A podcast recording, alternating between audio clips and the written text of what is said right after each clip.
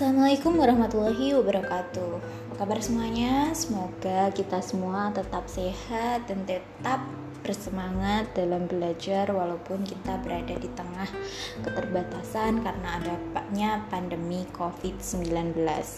Jadi untuk pelajaran bahasa Indonesia pada hari ini saya akan membahas soal tryout ASPD di Pora 1 yang minggu lalu sudah di, kalian kerjakan tapi yang minggu ini akan saya bahas yang paket 1 2 karena minggu lalu saya sudah membahas paket 1 dari tryout MKKS yang sudah saya upload di e-learning.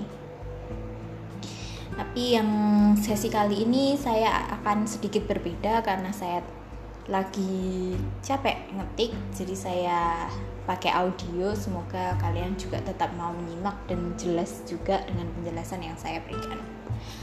Langsung saja silahkan sambil kalian buka. Silahkan kalian buka soal ASPD MKKS Kabupaten Bantul paket 2 yang saya share di grup. Kita cermati dari nomor satu yang ditanyakan nomor satu biasanya selalu tadi makna kata dari tipe apa pun itu selalu yang ditanyakan adalah makna kata. Nah, di teks nomor satu ini makna kata bercetak miring. Nah, yang dicetak miring itu adalah kata wabah. Sebenarnya tanpa kita membaca teksnya, kalau kita tahu kata wabah, kita sudah bisa melihat dari pilihan yang ada itu pasti kalian juga tahu. Tapi kalau kalian nanti menemukan soal yang kira-kira kalian tidak tahu jawabannya, kalian harus membaca secara penuh dengan teliti karena bisa saja ada kata kunci yang disebutkan tentang makna dari kata wabah itu sendiri di kalimat setelahnya atau di depannya. Nah, di sini juga begitu. Kata wabah di sini ternyata di kalimat kedua sudah ada kata kuncinya, yaitu penyakit menular. Maka jawaban yang akan tepat itu nanti jawaban yang B. Coba kita simak lagi pilihan yang lain. Kok B bu, kok nggak yang A, C atau D? Kan bisa aja yang lainnya. Kita lihat satu persatu. Jawaban A, penyakit yang penularannya melalui kontak langsung dengan penderita. Di teks itu tidak menyebutkan hal seperti itu. Jadi nggak mungkin jawabannya itu. Secara logika pun, jadi kita juga harus menggunakan logika ketika menjawab pertanyaan bahasa Indonesia ya. Secara logika pun ketika kita semua tahu penyakit COVID-19 itu seperti apa, penyakit ini bisa juga menular tanpa adanya kontak langsung. Makanya ada sterilisasi untuk membersihkan lingkungan sekitar dan lain sehingga virus-virus yang tertinggal dari penderita itu tidak menjangkiti ke orang lain. Jadi jawaban A big no atau salah besar ya. Jadi jawaban kita lihat jawaban C penyakit yang melanda daerah tertentu pada kelompok tertentu. Dan yang dibicarakan adalah wabah COVID. Wabah COVID itu tidak melanda daerah tertentu atau kelompok tertentu karena ini sudah mengglobal secara dunia. Jawaban D, penyakit yang terjadi karena unsur pembawaan atau ada komorbid yang orang bilangnya. Jadi itu bukan wabah. Jadi kalau punya bawaan, jadi kalau bukan anaknya atau kakeknya, saudaranya pun tidak bisa terkena penyakit itu. Biasanya kalau kalian pelajari di unsur hereditas pelajaran IPA itu ada. Terus salah satunya adalah penyakit yang terkenal diabetes itu yang atau hemofilia. Nah, itu ada unsur pembawaannya. Jadi bukan itu juga jawabannya. Jadi jawaban yang paling tepat di sini adalah jawaban B. Oke, nomor dua Selanjutnya yang ditanyakan adalah pernyataan yang sesuai. Nah, kalau ada pernyataan yang sesuai itu mau tidak mau kalian harus baca teksnya atau kalian juga bisa triknya baca soal, baca pilihan. Kita lihat dari pilihan A. Semua wilayah Indonesia memasuki musim hujan. Balik lagi ke teks, dibaca secara skimming atau secara cepat ada 94% mem memasuki musim hujan. Jadi belum semua, hanya 94%. Jadi jawaban A salah. Jawaban B, cuaca ekstrim terjadi di wilayah Indonesia sebesar 94%. Yang 94% tadi hanya memasuki musim hujan. Berarti jawaban B juga salah. Jawaban D, Sulawesi Selatan baru memasuki puncak musim hujan pada bulan Februari. Kita cari kata Sulawesi Selatan. Tak dapat di kalimat terakhir. Kalimat terakhir bunyinya sebagian besar wilayah yang sudah memasuki puncak musim hujan tersebut terutama adalah nah salah satunya Sulawesi Selatan. Kapan ini ditulis? Tanggal 19 Februari. Jadi Januari itu sudah musim hujannya sudah puncak di Sulawesi Selatan. Ya pernyataan yang D itu juga salah. Itu ya jadi seperti itu. Caranya mengisi kalau ada soal pernyataan yang sesuai. Triknya biasanya seperti itu. Kalau yang nomor tiga yang ditanyakan latar suasana. Suasana. Kalau yang di, ngomongin suasana itu biasanya uh, agak panjang biasanya tidak langsung to the point ramai sepi tapi biasanya menggunakan penggambaran-penggambaran tertentu. Jadi kita lihat kalimat nomor satu jadi kalimat nomor satu itu bukan yang ada di depannya tapi yang di belakangnya ya. Karena ini nomor 6 itu kalimat terakhir di sela-sela bekerja dan bla bla bla itu masih nomor 6 jadi dari kalimat satu itu dari kata kulihat kulihat dari sudut dapur pondok. Nah ini kerumun santri saling menyeka air mata. Nah ini kan sebenarnya kalau kita baca sekali aja udah ngerasa wah mesti ada perasaan sedih. Oke. Ke kita lihat kalimat nomor 2 berarti ya tadi ada suasana sedihnya ya. Kalimat nomor 2 ada juga yang saling berpelukan meminta dikuatkan saat amati lebih teliti tatapan mereka ke arah Mbah Muh yang sibuk mencuci piring. Itu juga ada suasana mereka saling berpelukan, minta dikuatkan, suasananya kayak haru atau ya mungkin ada sesuatu di sana. Itu ada suasananya. Kalimat nomor tiga mengintip tangan pucat tidak juga ya, nggak ada suasananya Empat, jemari keriput bukan suasana. Sejak 40 hari bukan suasana. Nomor 6 juga bukan suasana. Jadi jawaban yang paling tepat karena tadi sebenarnya nomor satu oh ini ada ada suasananya. Jadi kalau kita lihat pilihannya lagi mesti ada jawaban satu. Dan kebetulan jawaban yang lain tidak ada angka satunya. Itu bisa juga sebagai trik-trik kalian. Jadi ini jawabannya yang paling tepat adalah yang A. Nomor 4, komentar terhadap isi teks. Nah, kalau mau komentari ya mau nggak mau, kalian harus baca dulu teksnya itu tentang apa. Jadi secara sekilas teks ini ada orang anak muda mau bantu kepiting tapi dia mengorbankan dirinya. Nah, ada pertapa eh ada orang tua itu datang ke sana dia ngambil ranting dan menolong kepiting dengan ranting itu. Itu komentarnya apa?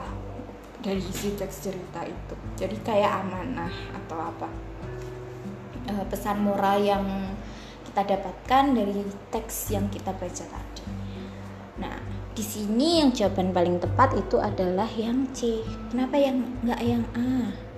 Kalau yang A orang tua tidak perlu menunjukkan kepintarannya hmm, sepertinya enggak juga. Yang B harusnya tapi padahal di sana karena apa? Orang tua itu akhirnya menunjukkan bagaimana cara menolong kepitingnya. Jadi kan enggak dia men, tetap menunjukkan jawabannya A yang salah. Jawaban B betapa muda lebih baik tidak usah menolong jika mencelakai diri sendiri. Enggak juga akhirnya kan e, membantu menolong niatnya dari yang muda yang tua tadi memberi contoh seperti ini. Kurang tepat ya. Yang D juga kurang tepat. Menolong perlu juga pertimbangan keuntungan dan kerugian. Tapi bukan kurang tepat saja karena ya kalau gitu kapan nolongnya? Kalau mikirnya cuman kapan untung ruginya. Itu kan bukan transaksi keuangan. Lalu kita lanjut ke nomor 5 watak setia ditunjukkan pada nomor berapa? Nomor satu itu kira-kira ada nggak wataknya? Tidak menunjukkan watak apa-apa. Kalimat nomor dua? Juga tidak. Nomor tiga namun untuk memenuhi keinginan suaminya terpaksa membuatnya setiap hari.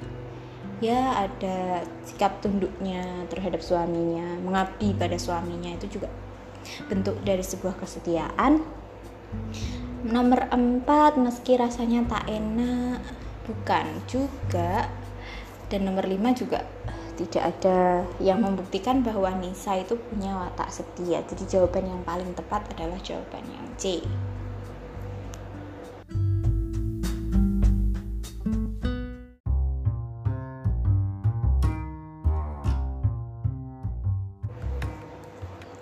Nomor 6 berkaitan dengan makna simbol kata. Makna simbol kata. Itu artinya kata yang disajikan memiliki makna kias atau makna yang bukan sesungguhnya. Jadi jauh beda dengan arti kata yang dituliskan. Misalnya matahari di sini bukan matahari benda langit tapi matahari yang lain. Di sini matahari ditemukan di kalimat nomor terakhir. Urusan jasmin matahariku. Jadi buat si tokoh aku ini Jasmine ini adalah mataharinya dia gitu nah Jasmine ini siapa Jasmine ini sepertinya juga bukan anaknya karena di kalimat nomor satu diterangkan bahwa dia si tokoh aku mengatakan Jasmine memang seperti ayahnya. Dan dia nggak menyebutkan bahwa kalau memang anaknya dia harusnya berkatanya Jasmine memang sepertiku.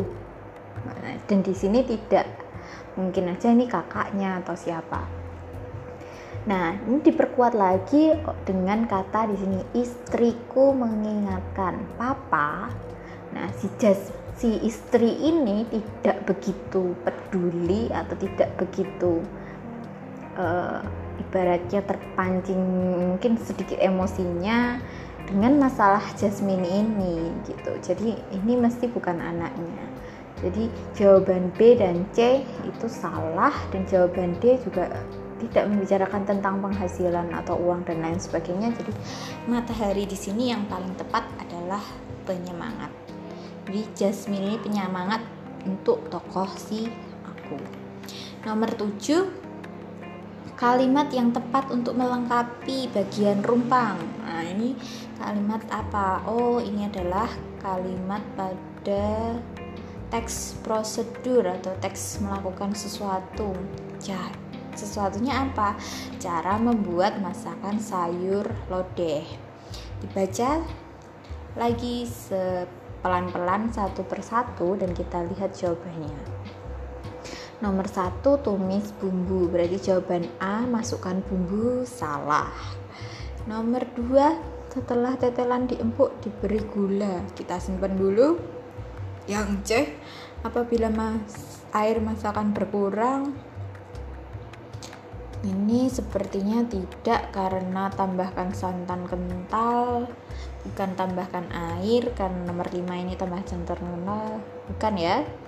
Yang D masukkan sayuran. Nah kita punya jawaban antara D dan B.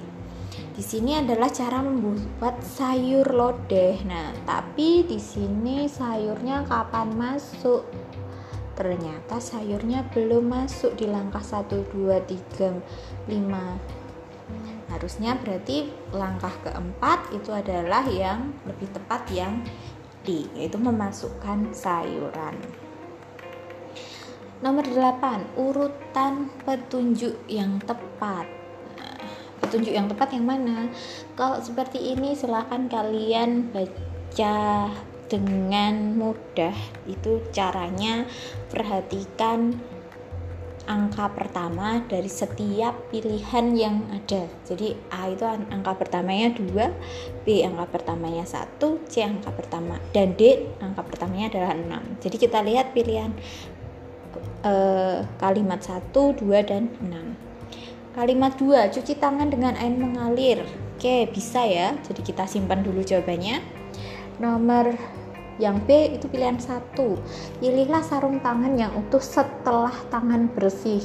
Eh, karena ada kata setelah tangan bersih, ini berarti itu tidak jadi kalimat pertama karena ada kata setelah. Berarti ada proses sebelumnya. Jawaban B itu salah. Yang C itu dan D itu kalimat nomor 6 itu pakailah dengan hati-hati belum apa-apa udah di hati-hati suruh udah dipakai apa ya yang dipakai kan nggak mungkin jadi tadi sudah bisa dilihat jawaban yang paling tepat adalah jawaban yang A. Kalau kalian punya waktu silahkan dicek lagi. Mungkin urutannya itu logis. Kalau nggak punya waktu atau pengen ah cuma agak cepet, agak pengen cepet nanti dicek lagi boleh aja atau waktunya tinggal sedikit nah udah pilih aja yang itu. Yang A. Lalu untuk nomor 9 itu perbedaan pola. Nah ini di sini. Ada pola perbandingan sebab akibat kalian silahkan koleksi kat konjungsi. Jadi konjungsi itu ada sebab syarat akibat perbandingan dan lain sebagainya itu kalian cek ciri-cirinya atau kata yang suka digunakan itu apa saja. Konjungsi syarat misalnya ada kata jika sebab akibat misalnya mengakibatkan hal ini bisa dilihat. Terus misalnya perbandingan ada kata sedangkan dan lain sebagainya kalian cek lagi. Catatan sepertinya saya pernah berulang kali memberikan konjungsi nggak tahu dibaca atau enggak materi ini atau di kelas berapa saya lupa. Jadi silahkan dicek lagi kalau konjungsi ini tuh katanya apa saja ini katanya apa saja itu bisa membantu kalian untuk menganalisis seperti ini. Lagi di sini sudah dilihat pola sebab akibat pola perbandingan. Itu melihatnya dari mana? Dari kata kata-kata yang ada di sana. Kalau nomor satu itu ada kata hal ini Nah, hal ini bisa dilihat dari bla bla bla. Ternyata itu adalah pola sebab akibat. Sebabnya apa? Anak-anak zaman sekarang sudah semakin jauh dari moralitas. Akibatnya adalah maraknya kenakalan remaja di, dan pergaulan bebas. Tuh. Itu adalah sebab, sebab akibat. Yang kedua, teks kedua itu ada kata yang sangat sangat mudah ditandai yaitu ada kata sedangkan. Berarti kalimat nomor dua itu mesti ada perbandingan. Nah ini membandingkan dua hal. Nah, perbandingan. Jadi ada kata sedangkan itu pun perbandingan. Jadi jawaban yang tepat adalah jawaban Nomor 10. Nah, ini juga perbandingan atau perbedaan penggunaan bahasa kedua teks tersebut. Itu juga kalian harus tahu. Jadi, pilihan cara mengerjakannya lihat pilihannya. Pilihan nomor satu tidak menggunakan kalimat majemuk. Apa yang dimaksud dengan kalimat majemuk? Silahkan kalian cek lagi catatan-catatan kalimat majemuk itu seperti apa? Ada majemuk setara, ada majemuk bertingkat. Atau kalimat majemuk itu sering juga disebut sebagai kalimat kompleks. Nah, ciri-cirinya apa? Biasanya ada konjungsi. Ada konjungsi, konjungsi itu macam-macam. Nah, itu juga bisa kalian tarik lagi ke atas tadi nomor 9 mengenal konjungsi itu apa aja apa saja. Nah, itu juga ada. Ini di sini ternyata di teks nomor satu itu ada kalimat majemuk. Kalimat contohnya kalimat nomor dua. Ketika menaklukkan Mesir, dia memboyong 40.000 gulungan papirus dari perpustakaan Alexandria. Kalimat ini berasal dari dua kalimat. Jadi karena kalimat majemuk ya jadi kalimat pertama adalah seharusnya adalah ia menaklukkan Mesir. Kalimat kedua adalah ia memboyong 40 ribu bla bla bla. Dan disatukan jadi satu kalimat menjadi kalimat majemuk yang tulisannya ketika menaklukkan Mesir dia memboyong bla bla bla. Itu kalimat majemuk. Dan yang lainnya juga sebenarnya masih ada jadi jawaban A itu salah. Karena teks satu udah salah berarti langsung yang kalimat dua nanti reviewnya nanti aja. Kita lanjut ke teks satu pilihan B ya. Teks satu menggunakan kata-kata teknis. Kata-kata teknis itu bermakna khusus dan sepertinya saya tidak yakin ada. Kayak istilah. Nah, kata-kata teknis mirip-mirip dengan istilah tapi di sini nggak ada yang khusus istilah papirus itu semua udah tahu dan nggak ada yang lain nggak ada kata khusus atau teknis tertentu nggak ada. Saya masih keep dulu ya jadi nggak juga. Yang ketiga teks tidak menggunakan kata sandang. Ingat kata sandang apa aja? Ada kata sandang si dan sang mungkin yang lupa silahkan dicek lagi. Nulis kata sandang itu menggunakan awalan huruf kecil dipisah dengan kata yang mengikutinya. Misalnya dulu mungkin kelas 7 masih ingat ada si kancil si kelinci si raja hutan. Biasanya kebanyakan di teks fabel ya ada si. Tapi ini juga bisa digunakan di kalimat-kalimat pada biasanya misalnya si pasien dan lain sebagainya nah di sini ada nggak kalimat nomor satu? Ada si atau sang. Ternyata nggak ada kata si atau sang. Jadi oke okay, berarti ini malah bener lebih bener daripada yang B. Nah kata teknis tadi yang B itu nggak ada. Saya tidak menemukan kata teknis tertentu. Dan yang teks nomor 2 itu menggunakan kata sandang. Pilihan C ya menggunakan kata sandang. Ada nggak di situ ternyata ada di situ sang pangeran itu ada jadi yang C itu jawaban yang tepat sampai saat ini. Kita lihat jawaban yang D, salahnya di mana? Teks satu tidak menggunakan kata ganti. Kata ganti itu apa? Kata ganti itu ada aku, kamu, kita, dia, mereka, ini itu. Nah itu ada kata-kata ganti. Dan di situ teks satu ternyata kita menemukan di setelah angka tiga ada kata kita. Jadi jawaban D otomatis salah. Jadi jawaban benar itu adalah jawaban yang C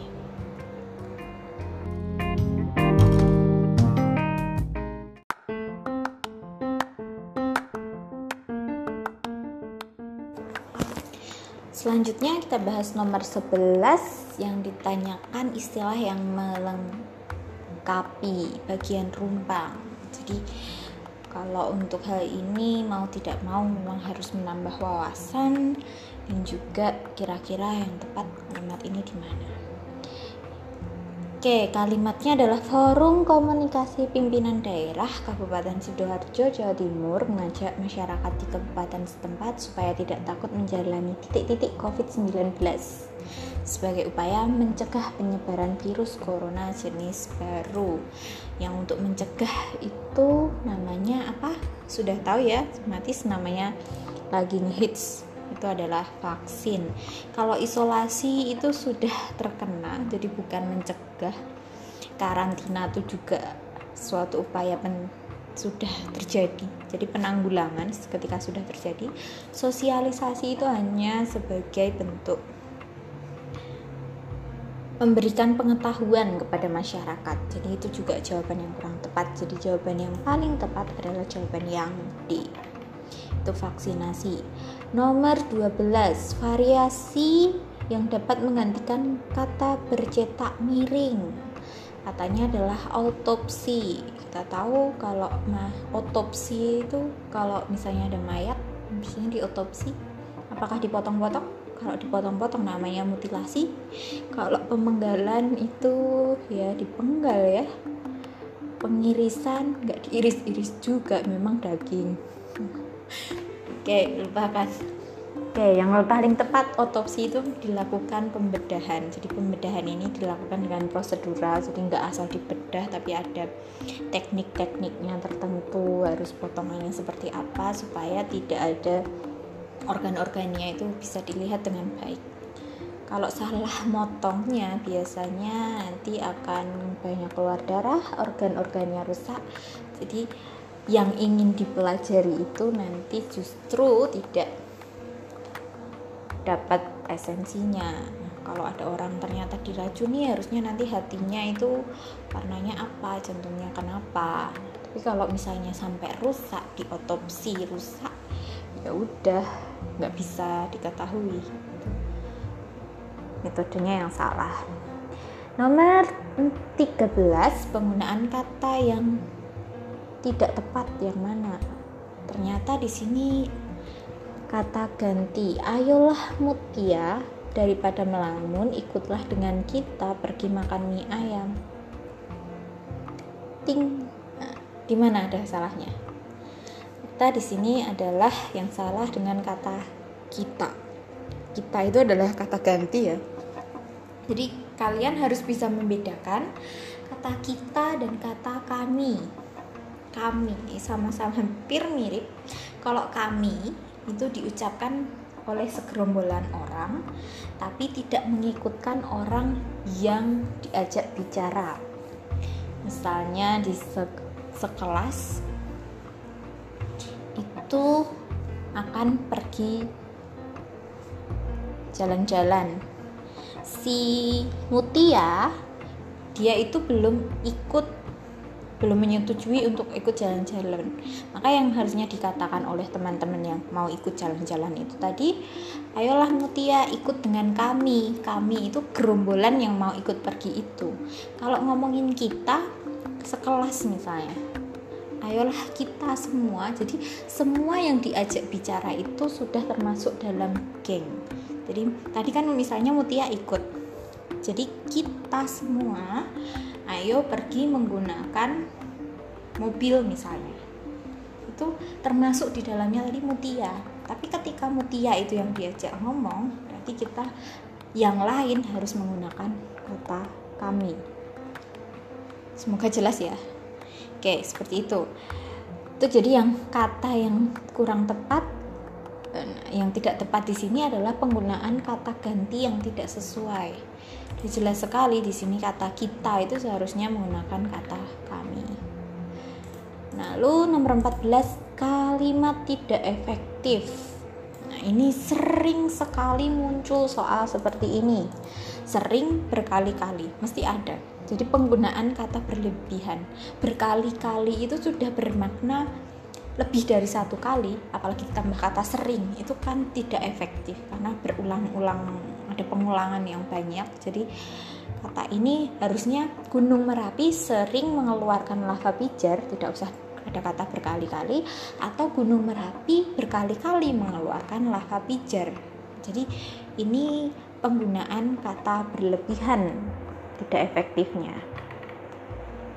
Jadi kebanyakan ini soal-soal itu sering muncul ada ini sering dan berkali-kali penggunaan kata ulang silahkan dipelajari lagi.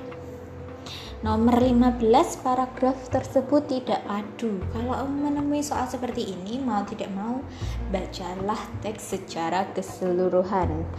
Dan kalau baca teks secara keseluruhan kira-kira kok ada yang aneh silahkan ditandai. Karena di sini yang ditanyakan adalah tidak padu. Berarti dalam teks itu mesti ada sesuatu yang aneh atau kalimat yang aneh yang seharusnya nggak perlu ada di sana. Kita lihat. Kalimat nomor satu ngomongin anime One Piece. Nomor dua soundtracknya karya ini masih One Piece. Nomor tiga sangat suka anggur dan pisang. Entah kenapa ini tiba-tiba ada anggur dan pisang. Kemungkinan jawabannya ini yang tidak padu. Nomor 5 kita lihat lagi mengagumi tokoh anime lainnya. Berarti masih anime. Jadi yang tidak padu otomatis adalah kalimat nomor 3. Nggak ada hubungannya kali sama anime sama anggur sama pisang. Gitu ya. Oke, lanjut.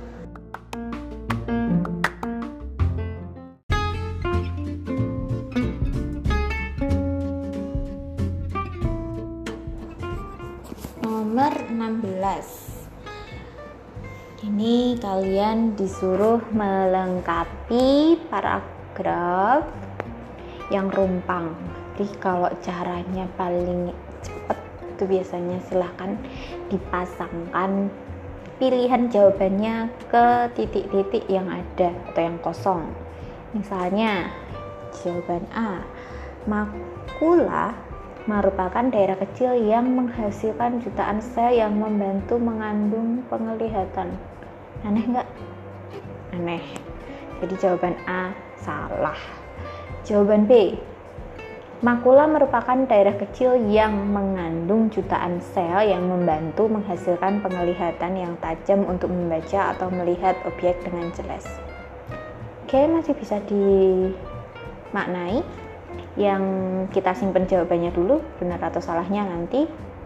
Yang C makula merupakan daerah kecil yang mengandung jutaan sel yang membantu menyusun penglihatan yang tajam. Agak aneh menyusun penglihatan. Kita silang. Yang D Makula merupakan daerah kecil yang titik-titik merupakan jutaan sel yang membantu pembuatan penglihatan. Tambah aneh. Oke, jawabannya yang paling tepat adalah yang B. Cara gunakan cara itu tidak usah mencari cara yang lain. Nomor 17 yang ditanya adalah ide pokok paragraf. Ide pokok paragraf biasanya ada kaitannya ini paragraf deduktif atau induktif. Jadi kita bisa lihat kata pertama dan kata eh kalimat pertama dan kalimat terakhir. Kalimat pertama ada beberapa ciri khusus bunga anggrek yang menjadikan istimewa sebagai tanaman hias dan yang kalimat terakhir bunga anggrek tersusun majemuk dan bla bla bla. Berarti ini adalah penjelasnya ya kalimat penjelas. Jadi ini termasuk tipe deduktif. Artinya ketika ditanya ide pokok ada mesti ide pokoknya ada di kalimat pertama. Kalimat pertama itu tentang apa? Ada berapa ciri khusus bunga anggrek? Berarti jawabannya adalah yang A berkaitan dengan ciri khusus bunga anggrek. Nomor 18 No, kita yang ditanyakan di sini adalah ringkasan yang tepat.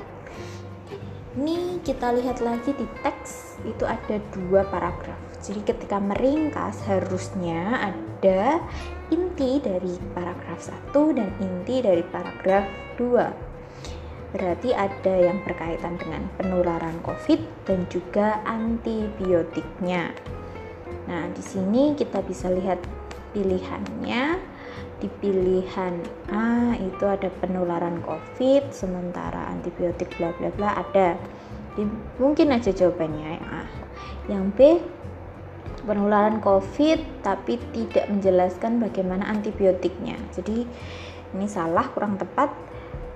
Kalau disebut ringkasan jawaban C juga tidak ada antibiotik dan jawaban D hanya antibiotik tidak menjelaskan mengenai penularan COVID. Jadi jawaban yang tepat adalah jawaban yang A. Nomor 19 19 simpulan yang ditanyakan adalah simpulan teks. Jadi kalian harus membaca dan kadang kita perlu memparafrasekan atau membuat kalimat baru lagi yang berkaitan dengan in teks itu sendiri. Jadi nggak bisa diambil dari kalimat. Nama pertama kedua dan ketiga dan harus secara keseluruhan. Dan kita parafrasekan ulang. Jawaban A inovasi pendidikan merupakan metode pendidikan anak usia dini. Hmm, tidak. Ini hanya dikatakan di situ dianjurkan. Jadi jawaban A kurang tepat Jawaban B, usia emas anak balita harus dimanfaatkan. Ya ada, tapi ini bukan tentang itu, tapi tentang lebih kepada inov metode pendidikan, inovasinya tadi, dan juga kecerdasan majemuk. Jadi kata kuncinya mesti ada tiga hal itu tadi, inovasi, dan juga ada kecerdasan majemuk pada pendidikan anak usia dini. Yang C ini jawabannya kurang tepat yang D inovasi pendidikan. Nah ini ada tiga-tiganya. Ada inovasi pendidikan dan juga kecerdasan majemuk.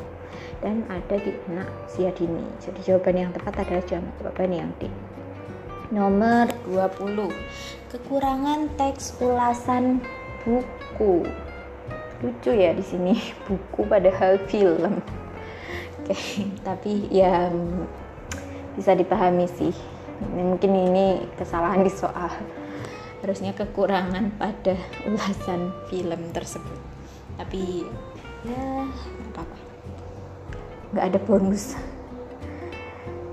Ini yang menjadi kekurangan yang mana? Apakah tidak menjelaskan kekurangan film? Ya tidak menjelaskan sih memang.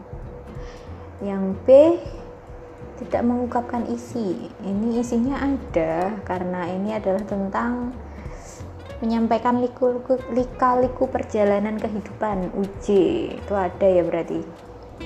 Garis besar filmnya yaitu tadi. Itu mengungkapkan isi cerita dan juga garis besarnya. Dan juga kurang mengemukakan pemeran film. Ternyata di sini diperankan api oleh Alfi. Nggak tahu Alfi siapa. Tapi ya itu ada perannya. Jadi jawaban yang tepat adalah yang A tidak menjelaskan kekurangan dari film itu.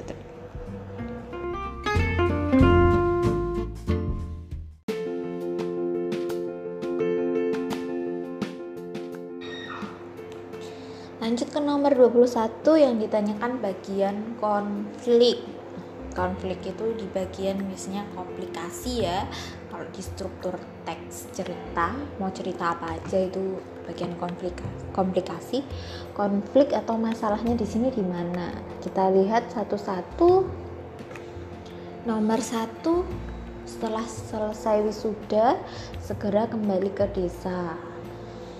Karena ini bapak ibu sudah tua dan lain-lain ya ini belum jadi masalah masih oke lah hanya bilang seperti itu. Jadi belum masalah Terus nomor dua, hanya kamu harapan bapak. Ini belum juga masalah karena anaknya belum respon apa-apa, dia nggak mm, ya atau tidak, jadi belum jadi ada masalah.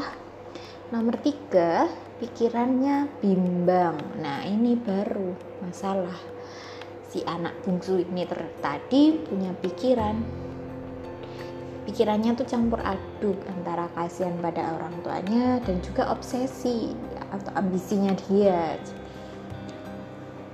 Dengan segala kehidupan di kotanya dan segala macamnya itu yang membuat dia galau ibaratnya galau ya. Nah ini udah jadi masalah. Sementara 4 sementara desanya hanya hamparan sawah dan sangat membosankan. Bagian konfliknya di sini sudah sangat jelas bahwa jawabannya adalah yang C atau bagian nomor 3 nomor 22 penyebab konflik. Penyebab itu berarti asal mulanya itu masalah itu apa? Jadi berkepanjangan. Kita lihat. Itu di situ Harim membuat keributan di rumah pena. Itu ya awal mulanya itu adalah itu. Itu ada di kalimat nomor satu. Biasanya kalau penyebab konflik bisa ini ditemukan di awal-awal paragraf. Nah akibatnya apa setelah ketika ditanyakan akibat dari konflik itu apa?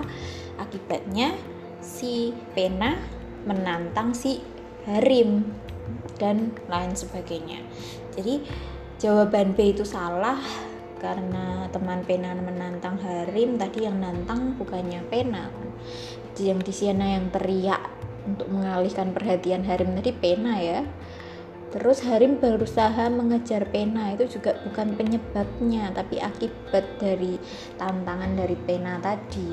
Nah yang D itu pena menantang Harim. Ini juga akibat dari Harim yang membuat keributan di rumah pena. Jadi jawaban yang tepat itu adalah yang A. Selanjutnya nomor 23. Nah, ini yang ditanyakan. Akibat konflik. Sepertinya penyebab, akibat dan bagian konflik itu selalu muncul ya. Jadi kalian harus benar-benar tahu atau bisa baratnya poin-poinnya oh ketika akibat itu yang bagian seperti ini penyebab konflik itu bagian sini konflik itu seperti apa dan soal-soalnya sebenarnya mirip-mirip dengan yang keluar yang sering keluar atau sering dibahas yang ada di tryout dan yang lainnya.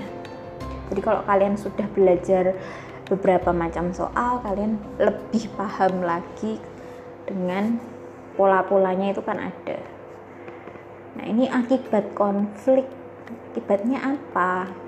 Akibat konflik. Konfliknya penyebabnya apa di sini? Jadi dilihat pertama kali, ternyata penyebab konfliknya itu adalah tangannya yang selalu kesleo dan menulis kata itu. Dan akibatnya dia kan pergi ke mana-mana, pergi ke ahli jiwa, ke dokter, dan akhirnya dia terakhir ke dokter bedah akibatnya apa dari konfliknya ini tadi bisa dilihat di kalimat terakhir. Ini dia bilang saya minta dokter Sudi memotong tangan ini. Nah itu adalah akibat hmm, dari konflik yang dialami oleh pelaku tokoh yang ada di sini. Jadi tokoh ini meminta dokter bedah untuk memotong tangannya nomor 24 simpulan yang pro. Untuk yang setuju itu yang mana? Kalau simpulan tadi sekali lagi baca lagi dan parafrasekan dan semuanya harus ikut dalam jawaban itu. Ini tentang apa? tentang vaksinasi ya. Ternyata di vaksin itu nggak selalu atau nggak melulu berhasil jawaban yang tepat yang mana? Kita lihat jawaban A. Vaksinasi bisa gagal karena sebelum divaksin seseorang dalam masa inkubasi. Oke masih masih bisa dikip nanti sesuai. Yang B seseorang yang telah divaksin tidak mungkin terinfeksi corona. Jelas salah karena di sini tadi juga bisa menjelaskan di teks menjelaskan bahwa bisa saja kena corona walaupun sudah divaksin yang C, vaksin membuat seseorang kebal. Tidak ada yang mengatakan seseorang jadi kebal karena divaksin ya, kan di teks yang ada di atasnya. Dan yang D itu antibodi membuat seseorang tidak terpapar. Itu juga kurang tepat. Jadi jawaban yang tepat adalah yang A. Kuncinya kalau ada simpulan dan lain sebagainya itu tidak lain tidak bukan dari membaca teks. Jadi membaca teks itu sendiri. Dan kalian juga harus tahu caranya berlogika karena kemampuan atau logikanya itu kadang diukur di sini. Jadi kalau kalian hanya menjawab pilihannya aja ya benar mungkin benar secara kontekstual atau secara nyata tapi tidak sesuai dengan yang ada dalam teks. Jadi mau tidak mau untuk soal bahasa Indonesia harus mau untuk membaca. Oke lanjut kita ke nomor 25 nah kata baku lagi. Kata baku dan tidak baku silahkan kalian kalau untuk mempelajarinya silahkan kalian tulis atau koleksi kata baku ini yang tidak baku ini kata baku ini tidak baku ini. Itu harus punya minimal kalau enggak kalian silahkan manfaatkan KBBI online itu ada. Silahkan ketik kata katanya dan KBBI spasi katanya apa. Dulu pernah saya tunjukkan di zoom ya cara mencari ini kata baku atau tidak baku. Tapi kalau untuk mempersingkat waktu atau kalian misalnya bingung untuk nyari-nyarinya silahkan sediakan buku atau kertas latihan untuk. Biasanya kata-kata yang sering dimunculkan itu tidak jauh berbeda dengan kata-kata yang sering kita dengar. Misalnya inovasi pikir sistem sistem resiko dan lain sebagainya itu sering muncul. Di sini juga katanya sering muncul ya ada berpikir kreatif paham itu juga kadang menulisnya pakai F. Fahami pernafasan atau pernapasan. Nah itu juga silakan kalian cari tahu. Nah di sini kata yang tidak baku sangat jelas sekali diajari berpikir rasional. Kata yang benar adalah kan pakai P. Berpikir bukan pakai F berpikir. Nah di sini yang sering salah itu uh, ada kata kreatif itu akhirannya pakai F.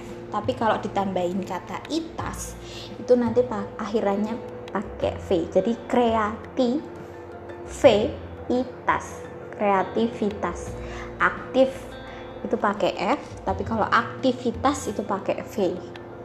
Dan semacamnya. Jadi nanti bisa kalian cermati lagi e, kata baku dan tidak baku lainnya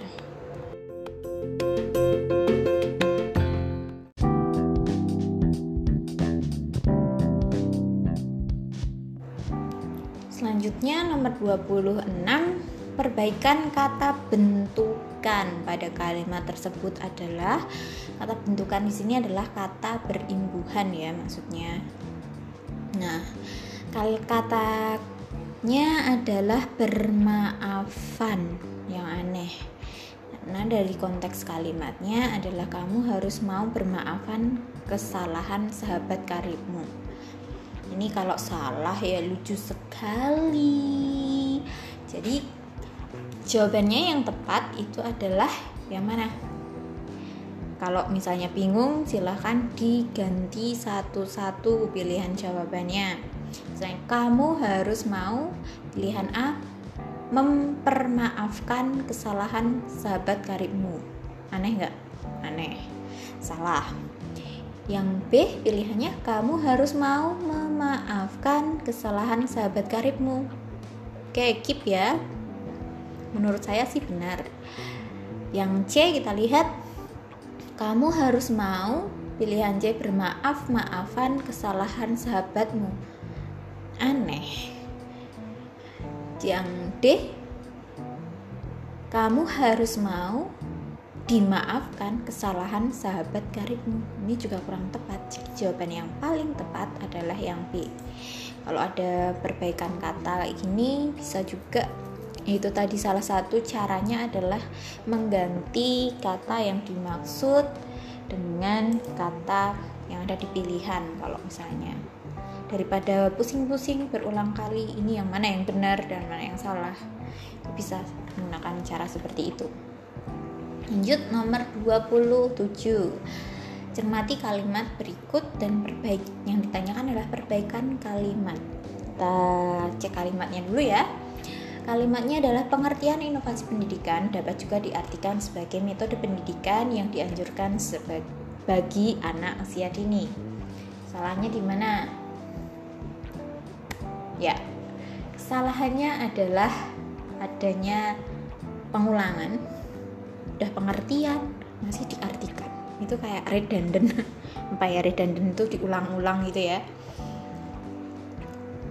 Jadi kalau ada pengertian dan diartikan itu nggak usah ada kata pengertiannya lagi pengertian inovasi pendidikan adalah ini itu malah boleh tapi kalau pengertian di tengahnya diartikan itu sepertinya kayak boros kata dan pengulangan diulang-ulang jadi jawaban yang ada pengertian inovasi dan juga ada kata diartikan itu salah. Jadi jawaban C dan D itu salah.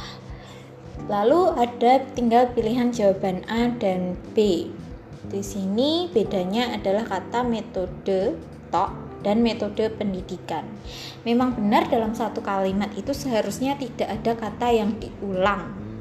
Di kalimat B itu adalah ada inovasi pendidikan diartikan sebagai metode pendidikan. Nah, itu kan kata pendidikannya diulang dua kali. Tapi ini diperlukan karena tidak bisa diganti. Kalau dihilangkan salah satu, maka artinya jadi tidak sesuai atau masih kurang lengkap. Coba dilihat nomor jawaban A. Inovasi pendidikan diartikan sebagai metode yang dianjurkan. Metode apa di sini? Masih e, ibaratnya perlu tambahan kata atau karena masih artinya tanda tanya. Jadi jawaban yang lebih tepat di sini adalah jawaban B. Tapi kalau kata metodenya itu sudah sebenarnya menjelaskan makna pendidikan, itu bisa juga e, tidak perlu ada pengulangan kata. Jadi kalau kalimat yang baik itu sebenarnya tidak boleh mengulang kata dalam satu kalimat. Tapi kalau di sini mau tidak mau untuk um, artinya biar bermakna karena ini inovasi pendidikan dan metode pendidikan itu sebuah frasa. Frasa itu yang dua kata yang tidak bisa dipisah-pisah karena ketika dipisah maknanya akan berbeda. Itu ya. Nomor 28 perbaikan kalimat. Kalau perbaikan kalimat kita lihat kalimatnya yang dimaksud yang mana dan lalu kita cocokkan atau kita padukan dengan pilihan jawabannya nomor tiga ternyata perbaikan kalimat nomor tiga satu dua tiga. Berarti ini ya keindahan bulu burung satwa ini memang sudah mendunia sejak dulu. Berarti kaitannya dengan bulu burung. Burung ini termasuk pilihan A burung ini termasuk yang dilindungi. Kurang tepat karena yang dimaksud yang ingin dijelaskan lagi adalah bulu burungnya. Bulu tubuhnya berwarna hitam. Tubuhnya itu maksudnya tubuh dari cendrawasih ya. Dan ekornya panjang dan runcing. Bisa masuk. Yang C orang Papua memanfaatkan bulunya untuk pembuatan mahkota. Eh, aneh. Orang Papua memanfaatkan bulunya untuk membuat mahkota. Ini kok tiba-tiba orang Papua kayaknya kurang tepat yang D kerajaan Sriwijaya pernah mempersembahkan cendrawasih. Ini nggak ada bulunya. Oke mungkin jawaban yang tepat memang yang B jadi bulu tubuhnya. Tubuhnya ini yang ada makna. Maknanya adalah tubuh burung cendrawasih karena ini kalimat dalam satu par e, masih dalam paragraf yang runtun jadi harus ada mengacu pada kalimat sebelumnya jadi ada tubuhnya ini yang mengacu pada kalimat sebelumnya Nomor 29 lagi-lagi perbaikan penulisan kata yang tidak tepat yang kaitannya dengan penggunaan kata baku dan kata tidak baku. Di sini tenaga kesehatan telah mendapatkan izin dipersilahkan antri memperoleh vaksin yang tidak tepat yang mana? Izin izin itu sudah benar pakai Z bukan C. Terus dipersilakan. Ini benar atau salah? Saya selalu menulis kata silakan tanpa menggunakan huruf H. Jadi ini benar ya. Antri coba dicek KBBI yang benar antri atau antre? Yang terselanjutnya ada kata vaksin vaksin udah kalian mungkin sehari-hari melihat berita vaksin itu bukan pakai F tapi pakai V jadi jawaban yang tepat kata yang B izin pakai C salah, C salah, yang D juga dipersilahkan itu salah. Jadi jawaban yang tepat itu adalah yang A. Kalau kalian nggak tahu misalnya tadi antri, bener antri pakai I apa E ya gitu kan, kalian juga bisa mengeliminasi jawaban yang D ini tadi. Ini kan dipersilahkan, kalian tahu. Ini sudah benar, dipersilahkan bukan dipersilahkan. Itu caranya. Nomor 30 ini perbaikan penggunaan tanda baca. Tanda baca koma itu nanti biasanya untuk memisahkan keterangan-keterangan yang di sini harusnya dan di depan dan itu ada koma lagi. Tapi karena ini sebuah klausa istirahat yang cukup dan berkualitas, itu tidak bisa menggunakan koma. Jadi harusnya menggunakan tanda baca titik koma untuk memisahkan setiap klausa-klausa yang ada. Jadi di sini setelah kata seimbang harusnya titik koma dipisahkannya menggunakan titik koma. Olahraga yang tepat dan proporsional titik koma. Istirahat dan yang cukup dan berkualitas titik. Berbeda dengan misalnya kalau kalimatnya ibu membeli mangga apel dan jeruk. Nah itu dipisahkan dengan koma karena di situ nggak ada dan dan. Dan di sini kan ada banyak dan ya. Olahraga yang tepat dan proporsional istirahat cukup dan berkualitas. Di sini tidak menggunakan tanda koma tanda baca untuk memisahkannya tapi menggunakan tanda baca titik koma. Tapi kalau tadi ibu menggunakan membeli apel jeruk dan mangga nah itu apel koma jeruk koma dan mangga. Seperti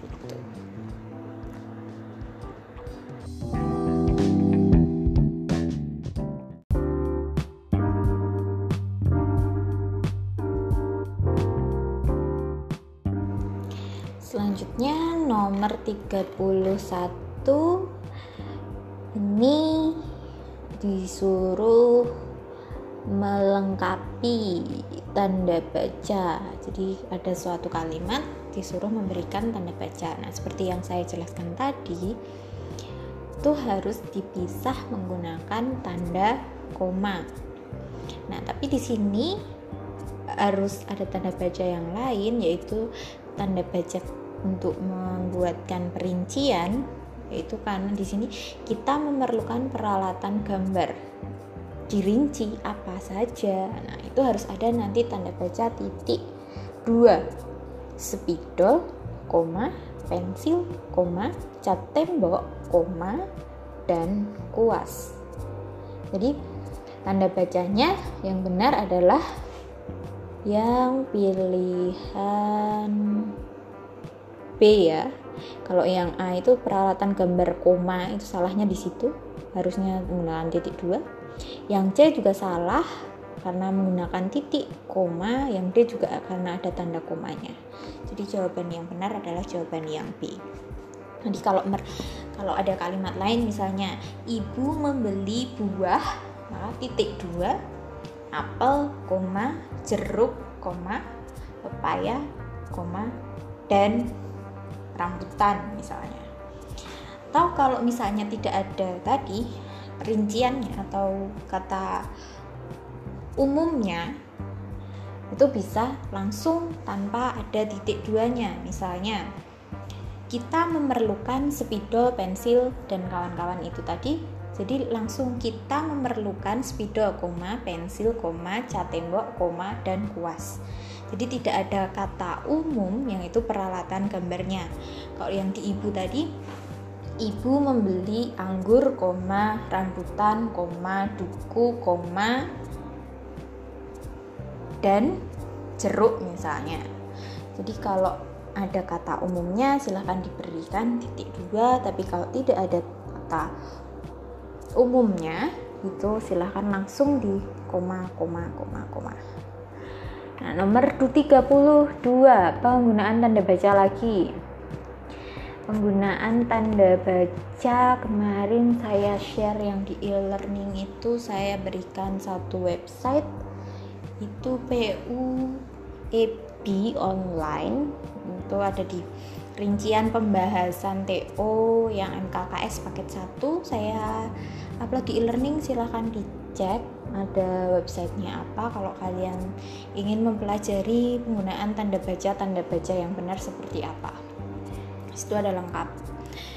Nah di sini penggunaan tanda baca yang tidak tepat. Nah yang tidak tepat di mana? Nah ini tadi kita sempat membahas sekilas ada kalimat majemuk dan kalimat tunggal. Kalimat ini yang mengatakan ketika Fani tidur koma, Febiola membuat agar-agar, rujak dan asinan ini adalah termasuk kalimat majemuk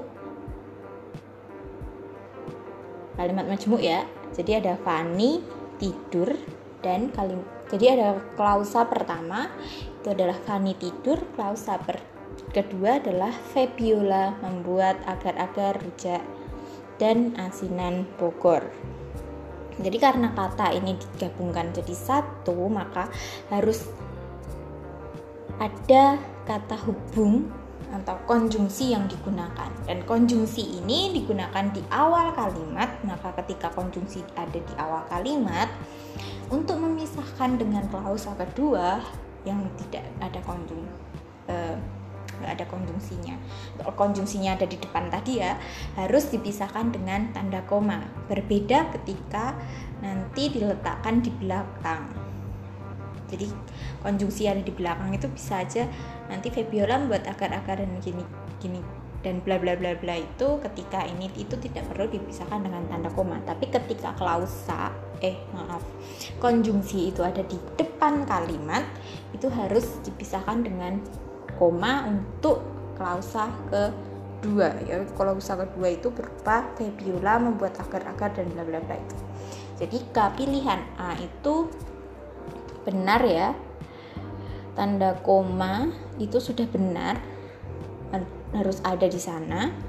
Terus yang pilihan B tanda koma tidak digunakan sebagai rincian sebelum konjungsi dan itu juga salah karena di sini uh, harus ada koma di depan kata dan. Jadi ada agar-agar koma rujak koma dan seperti yang tadi di kalimat-kalimat nomor 30 dan 31 di sebelum tanda kata dan itu beberapa misalnya lebih dari satu itu harus ada tanda komanya. Beda dengan cuman dua misalnya apel dan jeruk itu tidak perlu apel koma jeruk tapi hanya berapel dan jeruk tapi kalau lebih dari dua, di sini kan ada agar-agar, rujak dan asinan Bogor, itu harus ada tanda komanya.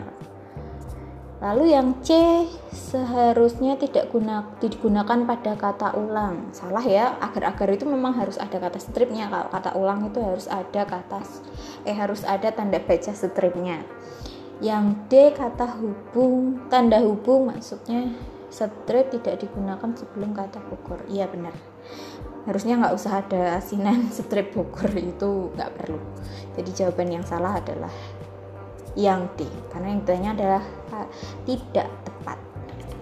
Nomor 33 ini juga menjadi sebuah teks yang padu. Seperti tadi kalau mengurutkan lihat pilihan eh lihat angka setiap pilihannya di nomor yang baris pertama eh lari. Kolom pertama dulu jadi yang paling awal itu apa saja. Di sini ada satu empat dan lima. Kalimat nomor satu faktor utama penyebab. Oke itu masih masuk akal untuk ditaruh di paling depan. Jadi dikip ya nomor satu jadi jawaban A atau B masih kita pertimbangkan sebagai jawaban yang tepat yang empat Kegiatan seperti penebangan menyebabkan kekurangan daerah masih masih kurang tepat. Yang lima penyebab lain. Nah, penyebab lain berarti kan harusnya ada kalimat sebelumnya. Ini berarti jawaban D otomatis salah. Kita lanjut ke jawaban A lagi. Tadi nomor yang C itu juga salah. Karena seperti ini berarti yang A 14 14 1 itu faktor utama penyebab banjir adalah ulah manusia itu sendiri. Kegiatan seperti penebangan pohon liar menyebabkan Oke, masih oke okay, fine masih bisa masuk ya kalau untuk sebuah paragraf. Kita lihat di yang jawaban B tadi yang menjadi pertimbangan satu, dua, faktor utama penyebab banjir adalah ulah manusia itu sendiri. Hal ini menjadi penyebab terjadinya banjir. Hal ini itu apa? Hal ini itu mengacu pada kalimat sebelumnya. Kalimat sebelumnya kalau nomor satu itu masih rancu, jadi jawaban B ini kurang tepat, mesti salah. Jadi jawaban yang tepat adalah jawaban A. Jadi kan, kan kalau sistemnya kayak gini kalian tidak perlu mengecek satu-satu. Ya kalau jawabannya di pilihan A itu enak masih bisa padu kan kalau jawabannya di pilihan D kalian bingung. Jadi ngeceknya angka pertama dulu dicek kira-kira itu masuk akal tidak untuk jadi kalimat pertama. Dan kalau misalnya masih masuk akal masih ada beberapa pilihan silahkan cek kalimat nomor 2 dan itu biasanya sudah beda dan selanjutnya selanjutnya. Jadi kalian bisa menggunakan sistem itu kayak eliminasi jawaban kalau istilah kerennya gitu. Oke selanjutnya nomor 34 kalimat efektif. Kalimat efektif itu dia tidak boleh ada pengulangan atau kan ataupun menggunakan kata-kata yang terlalu panjang yang inti kalimatnya atau subjek predikat objeknya itu justru jadi blunder blunder blunder. Ya rumit untuk dipahami. Jadi kalimat nomor satu pekerjaan pokoknya bergulat dengan buku-buku. Ini katanya bergulat dengan buku-buku. Banyak buku tapi kayaknya bergulat dengan buku aja sudah cukup. Jadi ini kurang efektif Kalimat nomor dua, mahasiswa universitas yang terkenal itu tertangkap tangan sedang menjadi joki ujian. Nggak ada yang salah, tapi mahas intinya subjeknya adalah mahasiswa. Universitas yang terkenal itu itu adalah harusnya ada tanda koma di yang mengapit ini. Karena ini hanya universitas yang terkenal itu adalah keterangan tambahan. Jadi setelah kata mahasiswa harusnya ditulis mahasiswa, koma universitas yang terkenal itu, koma tertangkap tangan menjadi joki ujian. Karena kan intinya adalah mahasiswa tertangkap tangan menjadi joki ujian. Jadi dan ini kurang tanda koma yang mengapit keterangan tambahan. Jadi kurang efektif. Nomor tiga pada HUT RI ini kemarin koma ini adalah keterangannya ia mendapat hadiah mobil dari bank. Oke, okay, fine. Uh, nomor 4, ia mengaku tidak memiliki apa pun. Betul, benar.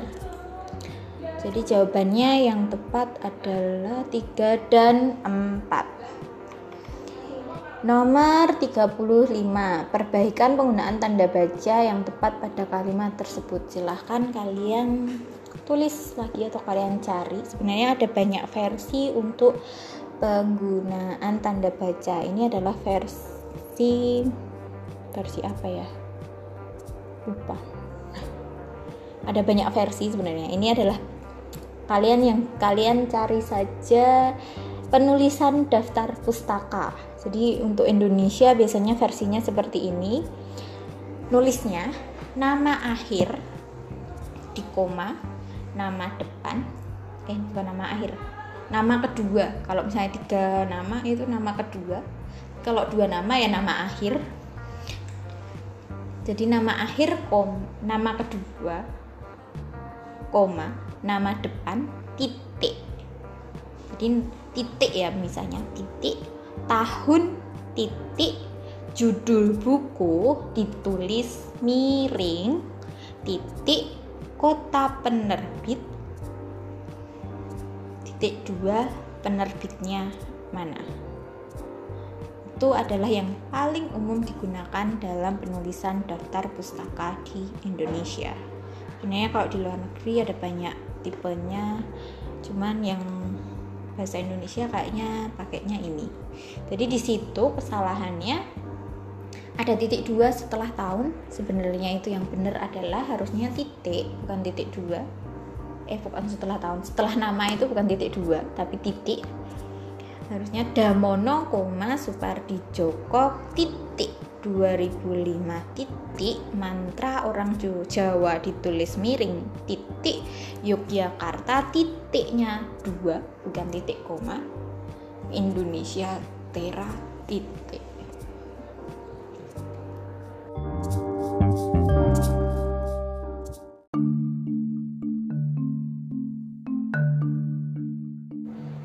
Selanjutnya nomor 36 yang ditanyakan adalah tokoh utama. Tokoh utama itu adalah tokoh yang paling banyak diceritakan atau secara garis besar cerita itu berkisah tentang tokoh utama ini tadi.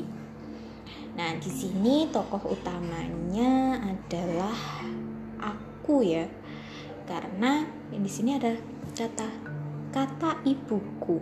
Berarti ini yang nulis itu adalah aku Nah, ada di kalimat dua ada juga ada di lebih ditekankan lagi bahwa tokoh utamanya ini adalah aku.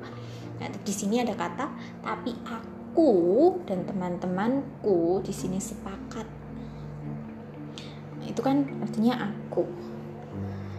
Nah, ini jadi tokoh utamanya aku. Sampai kata terakhir mata paragraf terakhir pun di sini ada tulis tapi aku tetap menangis dan bla bla bla itu artinya aku pandangi terus pintu ini kan aku yang jadi center atau yang jadi pusat dari cerita yang ada di sini.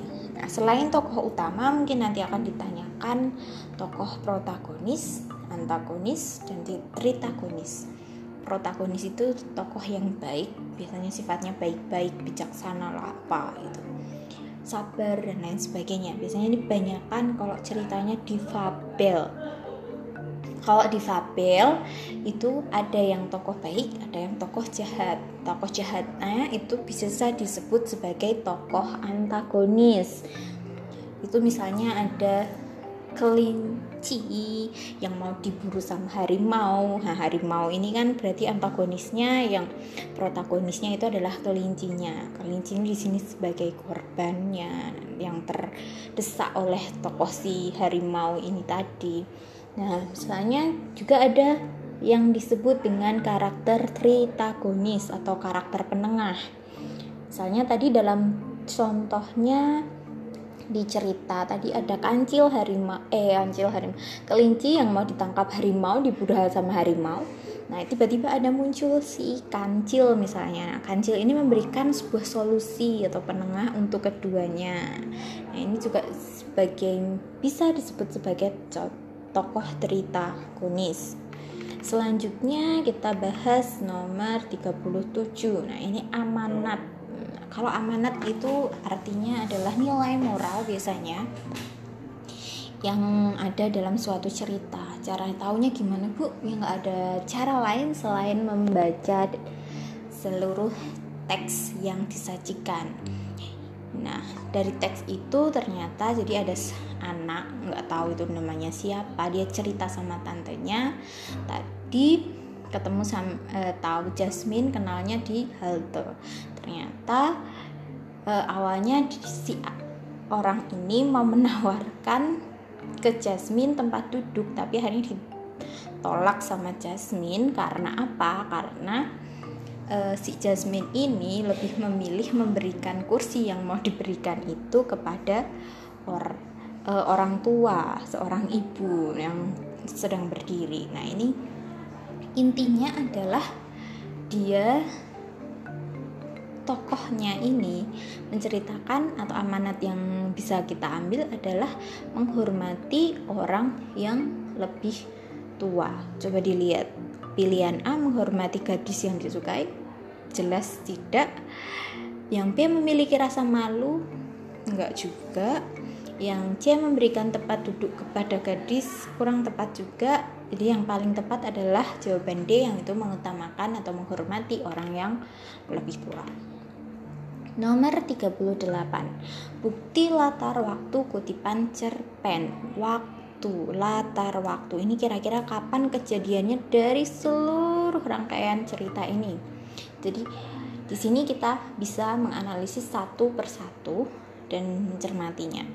Jadi nomor satu Leco adalah seorang pekerja keras yang bekerja di seperti binatang di ladang, tetapi ia masih bisa menulis.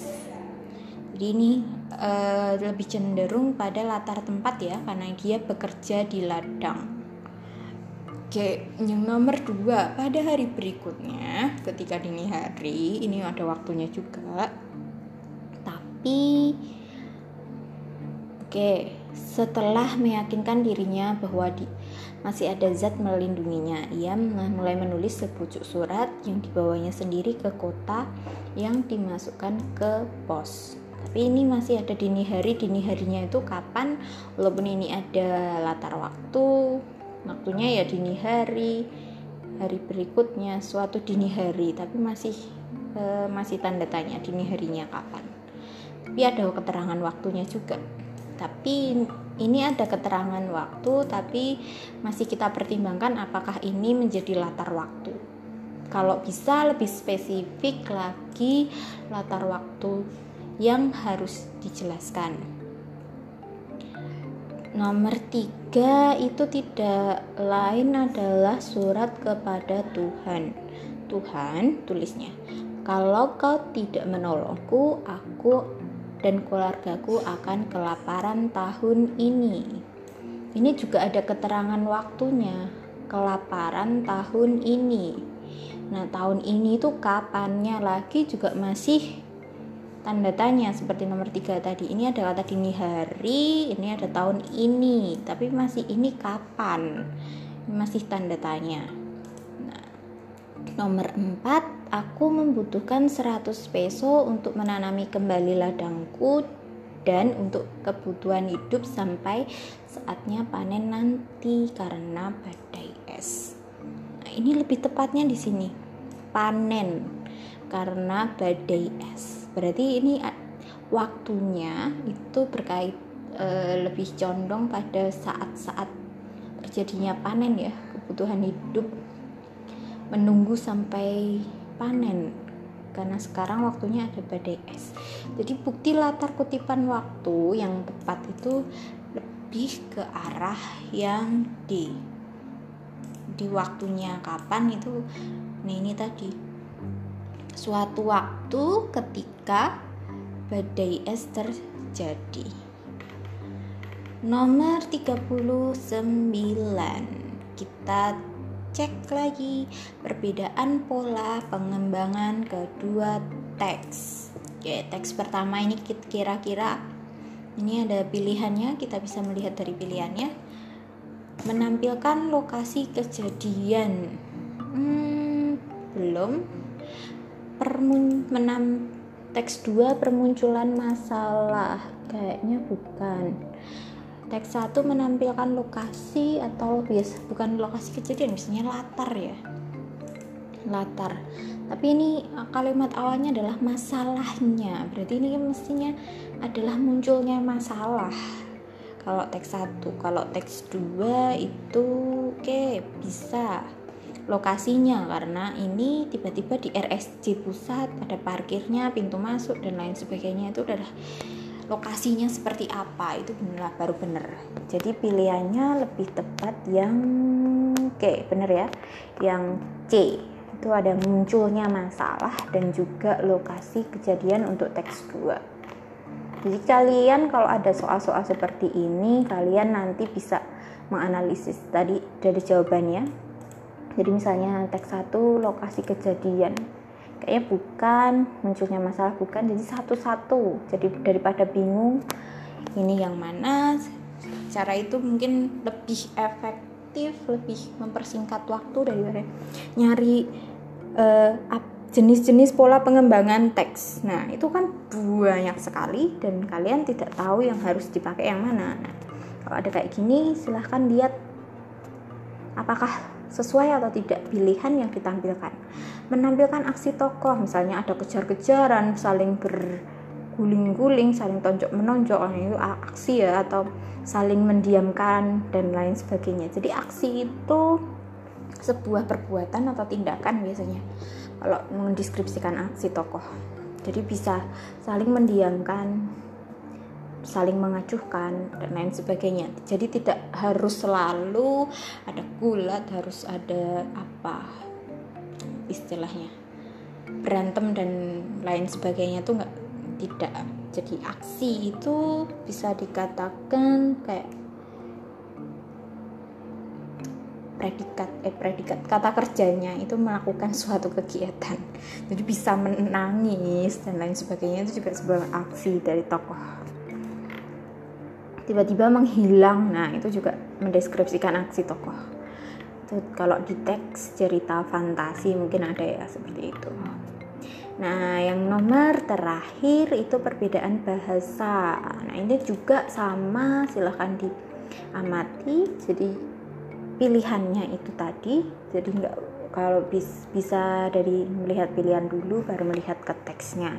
Jadi kalau kalian baca teks ini apa lebih mudah. Kalau untuk bahasa Indonesia silahkan lihat soal dan jawaban dulu baru lihat atau baca teksnya. Ini di nomor satu itu suatu sore ditemani hujan rintik-rintik. Kayak ditemani hujan rintik-rintik ini kayak menggunakan seolah-olah hujan rintik-rintik ini orang ya ya orang menemani yang menem kalau misalnya Kiki ditemani ibu oke okay, nggak ada majasnya tapi kalau hujan rintik-rintik yang menemani itu menjadi memiliki majas yaitu majas seolah-olah orang menemani ya. Hujan itu menemani. Jadi ini menggunakan majas personifikasi atau pengandaian. Jawabnya kayak bukan berarti bukan bahasa yang lugas ya. Jadi pilihan A salah pilihan B menggunakan majas kayak bisa hujan rintik-rintik diteman ditemani hujan rintik-rintik ini menggunakan majas personifikasi tadi karena hujan itu nggak bisa menemani Kiki. Kiki kan orang yang bisa menemani ya at least orang lah. Jadi itu menggunakan majas oke boleh yang D yang teks kedua menggunakan bahasa lugas. Ya cukup lugas. Jadi bahasanya nggak bahasa basi nggak ada kiasannya walaupun di sini ada kata menikmati warna jingga sore hari. Kalau menikmati warna jingga suatu hari itu mungkin masih ada kiasannya tapi karena di sini sudah dijelaskan lagi sore hari berarti ini tidak bermakna tidak menggunakan majas jadi lebih ke arah lugas ya dan kita lihat kalau jawaban C menggunakan ungkapan tidak menggunakan dialog teks 2 tidak. Jadi dialog itu malah justru ada di teks 1 teks 1 menggunakan kata ganti tidak ada ya karena di sini ngomongnya udah kiki ayah dan ibu. Jadi bukan pakai kamu dia kita kami atau mereka dan yang teks satu menggunakan kata ganti nggak ada kata gantinya yang D salah juga ya. Tadi berarti teks 2 menggunakan majas juga salah. Jadi jawaban yang paling tepat adalah jawaban B. Mungkin cukup sekian. Kalau ada yang mau ditanyakan bisa nanti japri Pak Sis atau saya. Saya akhiri. Wassalamualaikum warahmatullahi wabarakatuh